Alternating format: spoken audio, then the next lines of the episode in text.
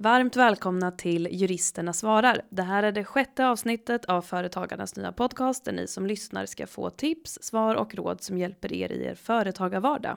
Och idag så ska vi prata om eh, blufffakturor och bolagskapningar och hur du ska agera om du har drabbats. Till exempel hur du ska bestrida en eh, osann faktura eller vad som händer om ärendet går till Kronofogdemyndigheten. Och eh, det börjar ju närma sig jul och julledigheter nu, tro det eller ej. Och eh, semestertider, det är ju bedragarnas högsäsong kan man säga. Och varför det är så, det finns ju säkert många teorier kring det.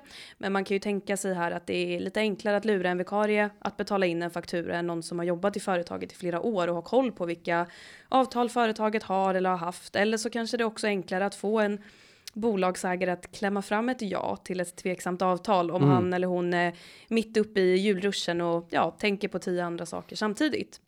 Eh, så det ska vi prata om idag och eh, jag heter som vanligt Oksana Jakimenko. Och jag heter Hampus Löfstedt. Och vi arbetar på Företagarnas juridiska rådgivning. Välkommen till dagens avsnitt.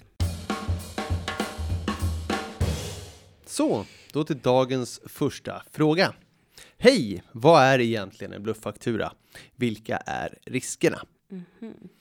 Ja, alltså blufffaktura eh, brukar nog användas som ett samlingsnamn för mer eller mindre bedrägliga beteenden där olika aktörer försöker att få betalt från, från företagare. Jag tänker att om svar på frågan så nämner jag kanske tre typfall här mm. som jag och vi i vårt eh, jobb kommer i kontakt med mm. som, som man kan gå under paraplynamnet blufffaktura. Det första, tänker, det första typfallet tänker vi kanske vad ordalydelsen anger då. Alltså helt enkelt en faktura som är en ren bluff. Det dimper ner ett, en faktura i brevlådan och företagaren i fråga har inte haft någon kontakt med eh, avsändaren överhuvudtaget. Mm. Så. Det andra typfallet jag tänker mig är väl att eh, företagaren kanske haft kontakt med användaren eller avsändaren av fakturan men har inte beställt någonting. Eller man kanske beställt något annat än vad som mm. erhålls. Och sen kommer faktura och avtalsvillkor på posten. Eh, och då är ju eh, det i sig inte en bluff att det kommer en faktura. Men, men när man tittar på innehållet på avtalsvillkoren och kanske priset på fakturan och sådär mm. så är det inte alls vad man har beställt och kanske inte alls vad man har kommit överens om. Mm. Och det tredje typfallet eh, tänker jag mig är väl någon form av lite mer sofistikerade blufffakturer där det är förtäckta avtal.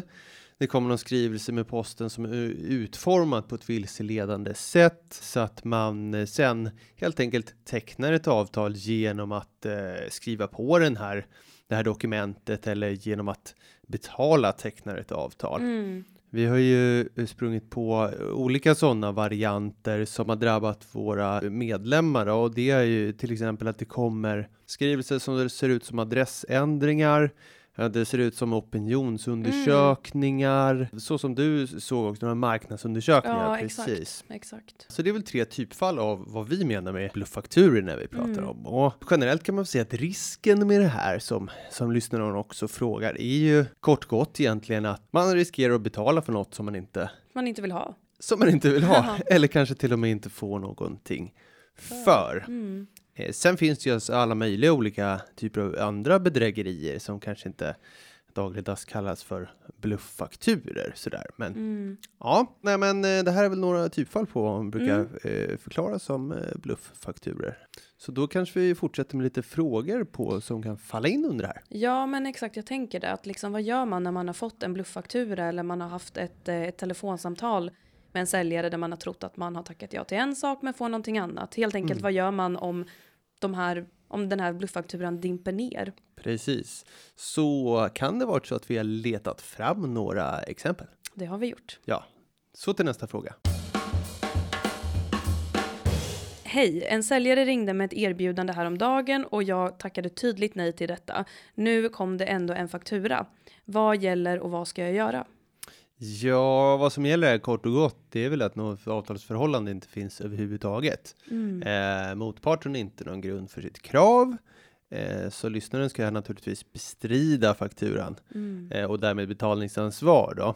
Eh, per e-post, brevledes eller hur man nu önskar göra. Eh, det ska även sägas att generellt så har ju även säljaren här som påstår att lyssnaren har tackat ja bevisbördan för att för att visa detta då. För att det föreligger ett avtal. Ja, men precis. Mm. Kort och gott för en gångs skull. Kort och gott. Vi kör väl en till eller? Ja, men det gör vi. Okej, då kör vi med fråga tre. Hej, jag fick hem en blankett som såg ut som en adressändring till Bolagsverket. Jag uppdaterade mina uppgifter och skrev på och skickade sedan in till angiven adress. Sen har jag fått hem en faktura där det står att jag ska betala för annonstjänster. Jag skrev på dokumenten men jag trodde att det rörde sig om just en adressändring. Vad gör jag? Först måste man fråga sig om ett bindande avtal överhuvudtaget har träffats och om lyssnaren genom sin underskrift här verkligen ingått ett bindande avtal. Mm. Jag menar, lyssnarna har ju inte haft någon avsikt att teckna ett avtal för de här eh, annons Annonstjänsterna, ja, annonstjänsterna. Mm. Men precis.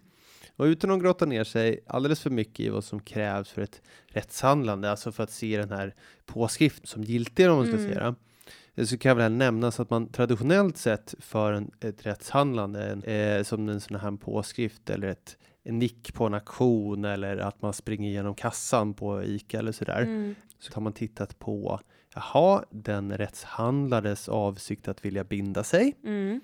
lyssnaren i det här fallet då, eller hur själva rättshandlingen ser ut i det här eh, do- do- dokumentet eller hur den här eh, påskriften ser ut då. Mm. Och, och till slut då även motpartens tillit har man tittat på. Mhm. Det här blir egentligen viljeprincipen det första kontra tillitsprincipen det sista. Det. Eh, Där eh, det först då är lyssnarens vilja att vilja binda sig kontra motpartens tillit till att det här som erhålls Mm. kan uppfattas ha ett rättshandlingssyfte. Man får nog säga att i avtalslagen så har det blivit en viss övervikt till tillitsprincipen. Eh, och med det menar jag att det avgörande i avtalsrätten vanligen, hör du brasklappen? Det.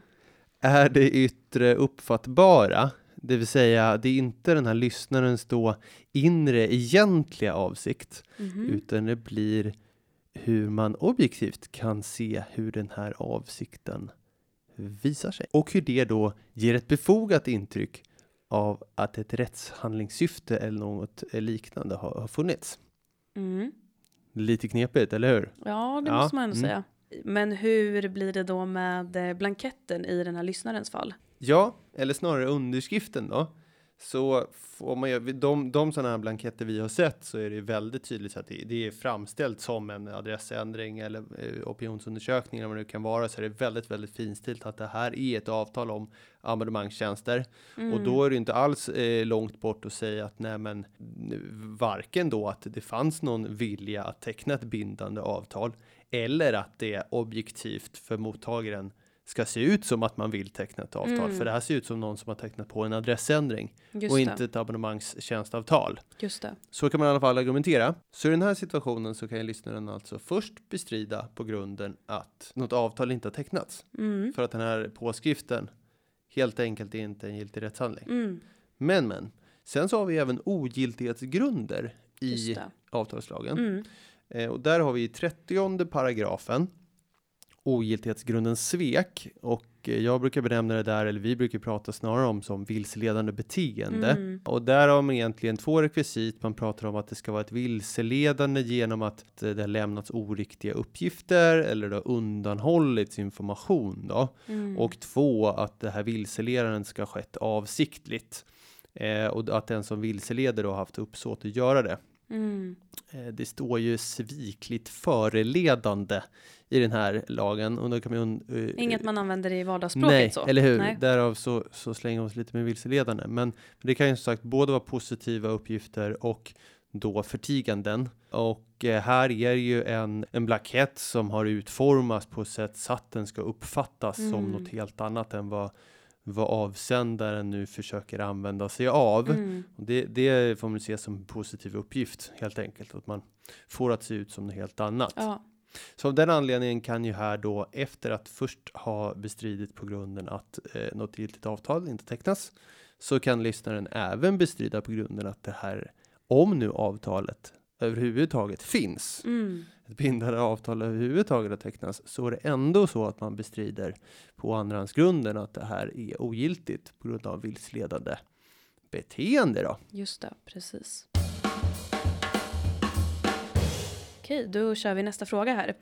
För en tid sedan ringde en telefonförsäljare till mig och ville sälja ett telefonabonnemang. Han utgav sig för att vara från Telia och sa att han skulle sänka priset på mitt befintliga Telia-abonnemang. Jag tackade ja till erbjudandet men fick en vecka senare hem en faktura som inte alls var från Telia och som inte alls sänkte priset på abonnemanget.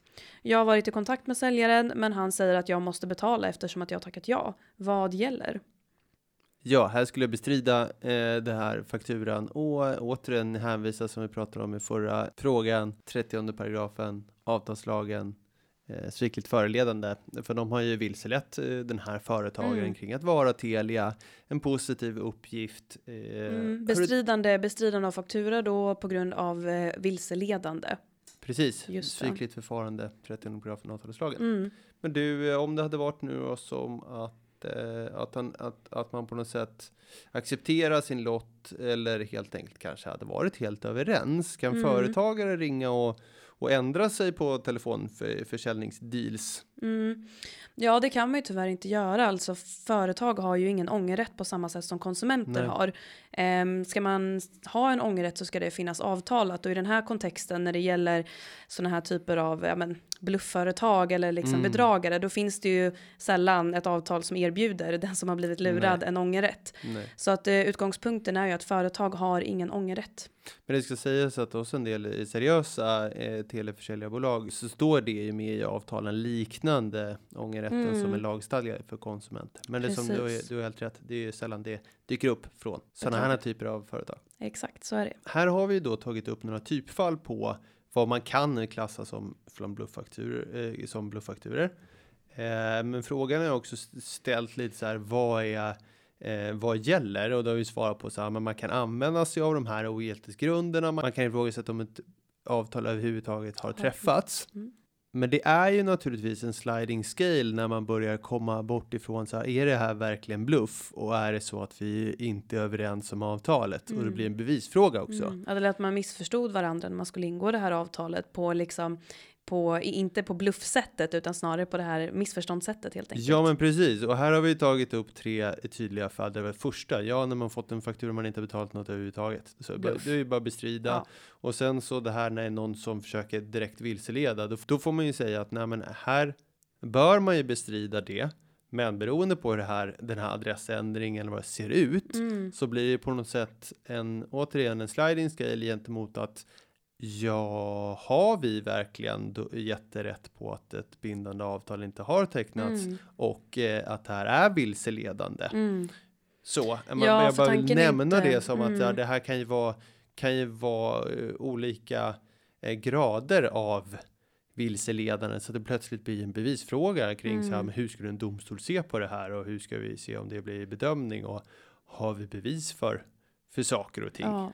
ja, och eh, och som vi nämnde där då, så har ju företag som, som regel ingen ångerrätt eller ingen lagstadgad ångerrätt i alla fall. Och tanken är inte heller att man ska använda sig av bestridanden på olika grunder som en typ av ångerrätt. Alltså Nej, att man har precis. ingått ett avtal sen kommer på, nej men just det, det, det här var jag inte alls så sugen på, så säger man, nej men här har vi ett vilseledande. Mm. Det är ju inte alls det som är syftet, utan tanken är ju just att de här bestridande grunderna ska användas när det inte eh, har, har ingått ett giltigt avtal helt enkelt. Eller inte tecknat ett avtal alls. Eller inte alls, exakt så. Ja, men precis så. Och då kan man alltid ringa till oss och stämma av det där för att se om det här är eh, vettigt att stångas för.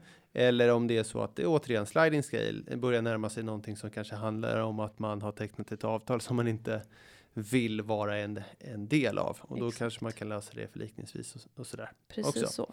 Men, Mm. men, idag pratar vi blufffakturor så vi tänker oss att det är Vi fortsätter med det. Ja, supertydliga fall. Exakt. Ja. Hej! Vad ska jag göra om jag fått en faktura som jag har bestridit? Lite som vi har gjort i de tidigare frågorna. Då, kan man. Exakt. Ja. Men som avsändaren ändå skickar till Kronofogden. Och vad händer om jag inte betalar blufffakturan och bluffföretaget nu har lagt över ärendet vidare på inkasso eller Kronofogdemyndigheten. Mm. Precis, så att här har vi ju två frågor som berör lite liknande men också lite olika situationer kan mm. man säga. Men man, man kan väl först säga att när man bestrider en faktura så betraktas ju fakturabeloppet då vara tvistigt, alltså att avsändaren och, och mottagaren inte är överens om beloppet i fakturan. Och om det här bestridandet är sakligt grundat då från mottagaren så bör avsändaren egentligen enligt god inkassosed då inte gå vidare med att lämna över ärendet till inkasso eller kronofogdemyndigheten mm. utan här ska man snarare ansöka om stämning i tingsrätten för att så är det ju att varken inkasso eller kronofogden utreder ju de juridiska grunderna för kravet mm. så att är man oense om om betalningsskyldighet föreligger ja då ska ju avsändaren som sagt överlämna ärendet till domstol då för att få det juridiskt prövat. Mm. Men det förekommer ju såklart ändå att fakturaavsändaren eh, överlämnar en redan bestriden faktura då, till exempelvis till Kronofogdemyndigheten. Och här är det ju väldigt viktigt att känna till att det inte bara är en fastställd skuld som syns när man gör en kreditupplysning på företaget, utan även en ansökan om betalningsföreläggande kommer upp då.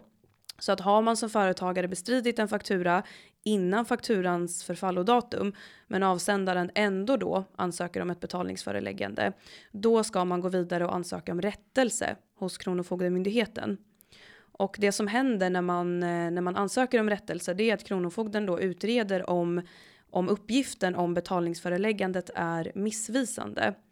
Eh, och vid den här rättelseansökan då så måste man ju kunna visa förstås att man har motsatt sig fakturan innan fakturaavsändaren har ansökt om det här betalningsföreläggandet. Mm. Så att eh, Hampus, jag tror att du nämnde det tidigare också att det är ju väldigt viktigt att när man bestrider en faktura så ska man göra det skriftligt. Till exempelvis per mail eller brevledes eh, och att man har preciserat då vilken faktura är det det handlar om och varför vill man inte betala, alltså vad är grunden för det här bestridandet. Mm. Så om eh, man ansöker om rättelse, Kronofogdemyndigheten eh, beviljar den här rättelsen då eh, och då får man som sagt inte, då syns inte den här ansökan om betalningsföreläggandet längre när man gör en kreditupplysning.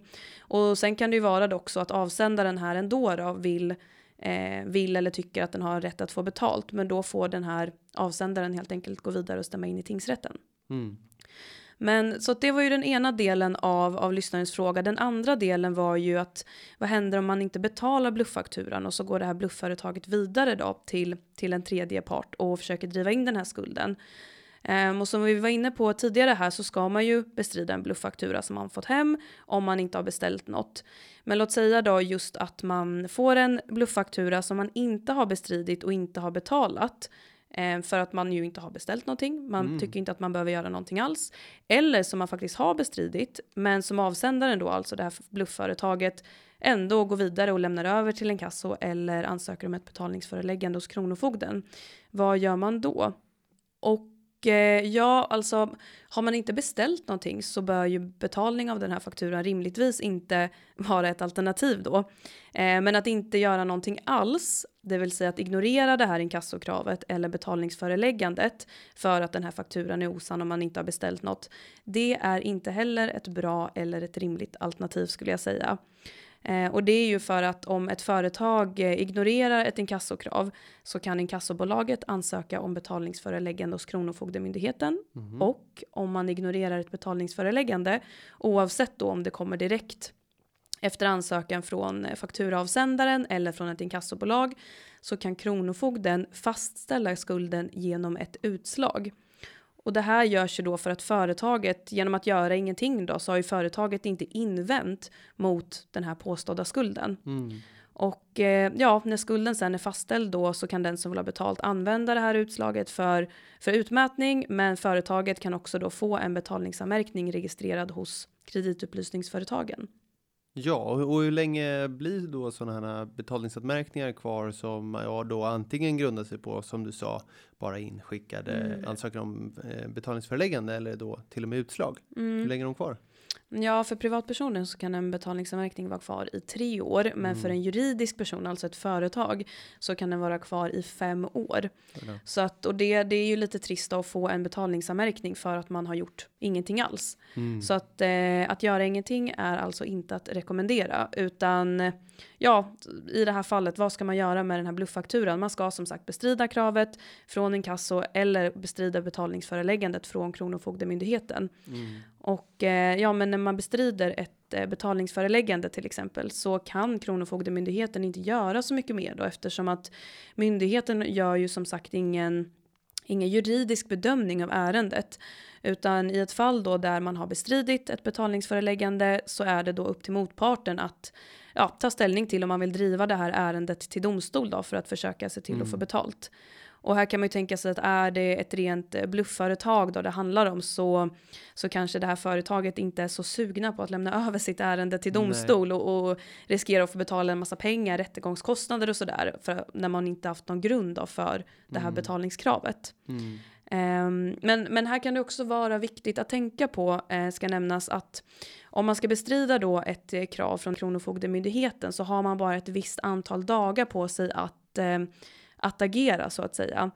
Och eh, den här tidsangivelsen den ska ju finnas i brevet som du får hem med betalningskravet. Mm. Och är det så att man bestrider det här kravet efter att den tiden har gått ut, då betraktas det också som att man inte har invänt mot att det föreligger en skuld och då kan alltså skulden fastställas. Så um, ja, men kort och gott besvara kravet och gör det i rätt tid.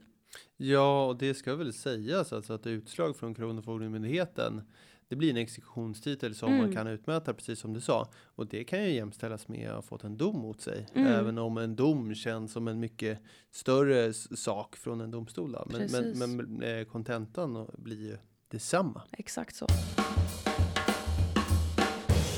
Vad är bolagskapning? Hur kan man skydda sig? Och vad ska man göra om man misstänker att det har drabbat mitt företag? Mm.